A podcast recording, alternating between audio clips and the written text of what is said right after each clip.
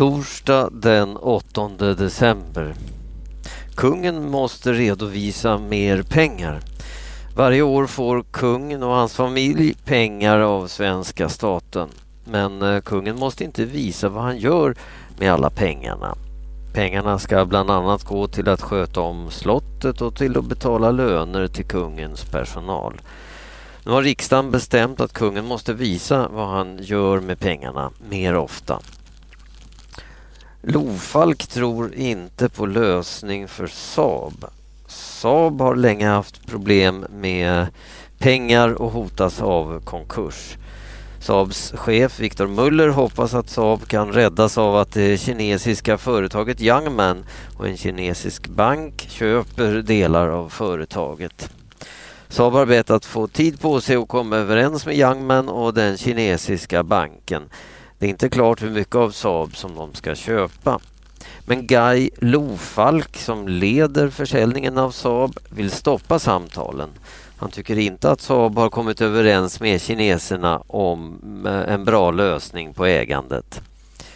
Om samtalen stoppas kan andra företag kräva att Saab går i konkurs för att få tillbaka pengar som Saab har lånat från dem.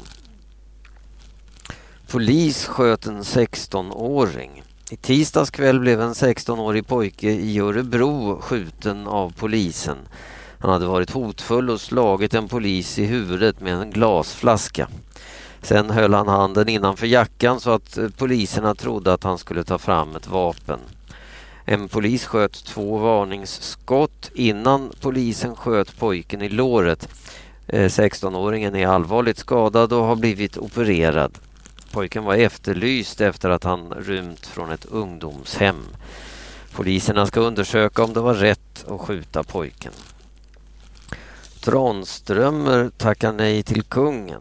På lördag delas Nobelprisen ut i Stockholm och i Oslo.